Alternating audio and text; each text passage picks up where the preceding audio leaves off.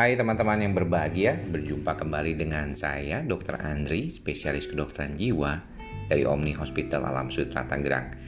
Di podcast saya, Psikosomatik Dr. Andri kali ini saya ingin sedikit berbincang tentang masalah yang berkaitan dengan homoseksual. Memang kalau kita berbicara tentang masalah homoseksual ini, pembicaraannya itu sering kali sulit karena setiap orang sering kali tidak melihat kondisi ini sebagaimana apa adanya. Saya berbicara mungkin dari perspektif sebagai dokter jiwa yang memang secara umum kita tidak pernah melihat masalah seksualnya sendiri sebagai sesuatu yang membuat dia mengalami gangguan kejiwaan. Jadi misalnya kalau ada orang yang mengatakan bahwa ini gara-garanya dia homoseksual sehingga dia jadi depresi, itu sebenarnya tidak tepat. Namun, seorang yang orientasinya homoseksual dan rentan mengalami gangguan depresi karena tekanan masyarakat, karena ketidakmampuan keluarga menerima dirinya, karena dia dibully atau dirundung oleh orang-orang sekitarnya, itu yang banyak. Dalam prakteknya saya sering kali menemukan bahwa masalah-masalah seperti ini sering kali timbulnya memang tidak serta-merta secara sekaligus. Kalau kita melihat memang orang yang mengalami masalah terkait dengan homoseksualnya sendiri itu bisa dikaitkan dengan perkembangan dia sesaat sudah mulai akil balik dan di saat itulah orang kelihatan mulai berbeda. Jadi kalau menurut saya banyak oh, kasus-kasus di dalam praktek keseharian saya sudah pernah juga jelaskan kepada keluarga pasien misalnya bahwa kalau untuk homoseksual sendiri biasanya kita bisa lihat kok pada saat dia akil balik orang ini sudah bisa mempunyai ya suatu kelihatannya orientasi seksual yang berbeda gitu. Saya pernah di diketemui lah oleh seorang bapak gitu yang anaknya itu homoseksual dan si bapak ini melihat bahwa apa yang dikatakan dokter bahwa faktor genetik atau bawaan itu menjadi salah satu faktor yang penting adalah betul karena ketika dia sudah akil balik tuh hormon-hormon seksualnya itu lebih aktif lagi kok kecenderungannya dia itu kalau ngelihat laki-laki yang berkeringat misalnya kalau dia tuh seorang homoseksual atau yang buka baju itu kok jadi lebih kelihatan apa ya dia bilang tuh kalau bahasanya bapak itu beling satan sedangkan kalau ngelihat cewek yang mungkin minim pakaiannya cuma pakai tank top sama celana dalam aja rasanya nggak terlalu nggak bahkan bukan nggak terlalu nggak merasa macam-macam gitu dan kalau dilihat bahwa memang di berbagai uh, jurnal terkait dengan homoseksual sendiri memang kita tidak pernah melihat adanya hubungan yang berkaitan dengan bahwa oh ini kalau misalnya dia benar-benar homoseksual ini didapatkan dari pergaulan misalnya.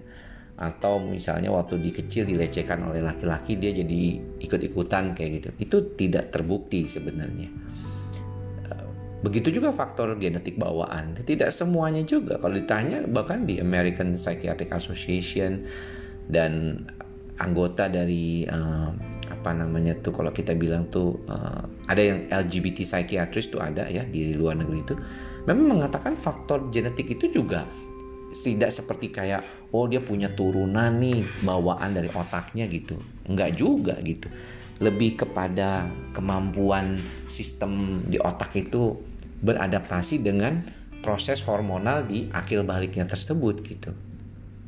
Dan itu sampai sekarang masih belum bisa menemukan dasarnya. Seperti juga orang suka bertanya kalau misalnya orang itu schizophrenia atau depresi itu dok apa memang betul ya dia itu bawaan genetik gitu ya terus bagaimana ya mencegahnya gitu Nah, sehingga kalau kita lihat masalah yang berkaitan dengan kejiwaan itu kan selalu dilihat dari berbagai macam sisi gitu ya, biopsikososial.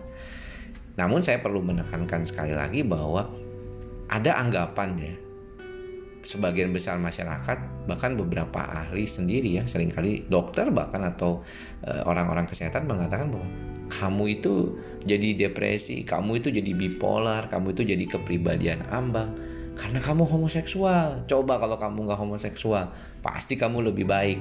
Gitu. Itu salah sih.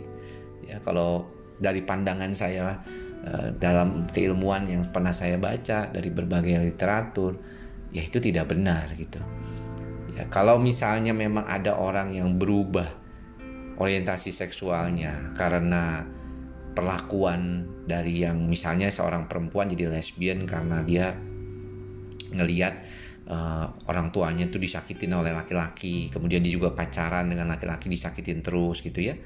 Mungkin itu uh, bisa ya seperti itu. Tapi kalau demikian berarti dia itu bukan benar-benar homoseksual yang saya maksud gitu yang memang dari sejak akil balik itu sudah ada gitu jadi kalau misalnya ada tuh orang kan saya dulu tuh uh, apa namanya uh, pernah pacaran gitu yang laki sama perempuan yang perempuan pernah sama laki gitu sama lawan jenisnya lah intinya. Dan saya bisa tuh terangsang juga secara seksual dengan lawan jenis. Terus kemudian dia juga merasakan bahwa saya oke okay lah begitu.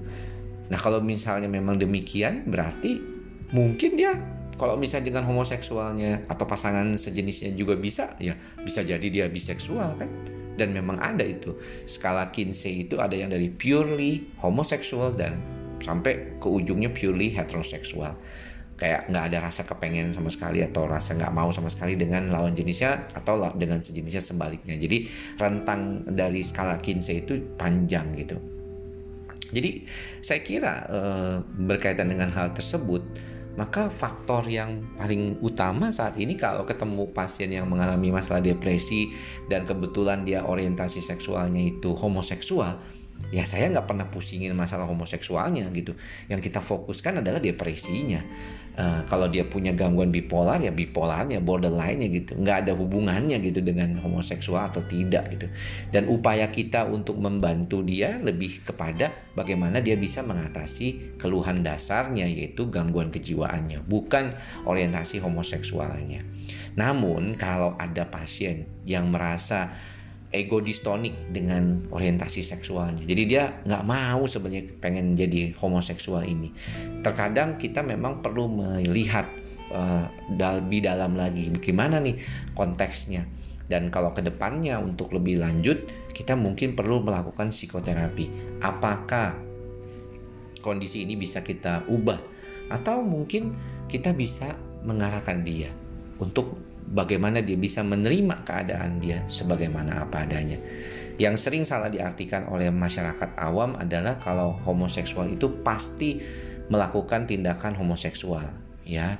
Dan mereka udah pasti mengatakan udah pasti tuh uh, sodomi atau kaum sodom seperti itu pasti dilaknat segala macam padahal nggak juga saya punya beberapa kasus di mana orang itu tidak melakukan hubungan seksual sesama jenis ya walaupun orientasinya seksualnya homoseksual. Kenapa? Karena perasaan takut atau perasaan merasa tidak nyaman. Nah hal-hal seperti ini yang kita perlu temani juga. Dan konteksnya mungkin berbeda dengan orang yang homoseksual tetapi ego sintonik. Jadi dia bisa terima homoseksualnya. Demikian perbincangan kali ini berkaitan dengan homoseksual Mudah-mudahan di lain kesempatan kita bisa berbincang lagi terkait dengan hal ini dan mungkin saya akan uh, meminta salah satu narasumber saya berkaitan dengan masalah homoseksual. Sampai bertemu lagi di lain kesempatan dan episode podcast dari Psikosomatik Dr. Andri. Salam sehat jiwa. Bye bye.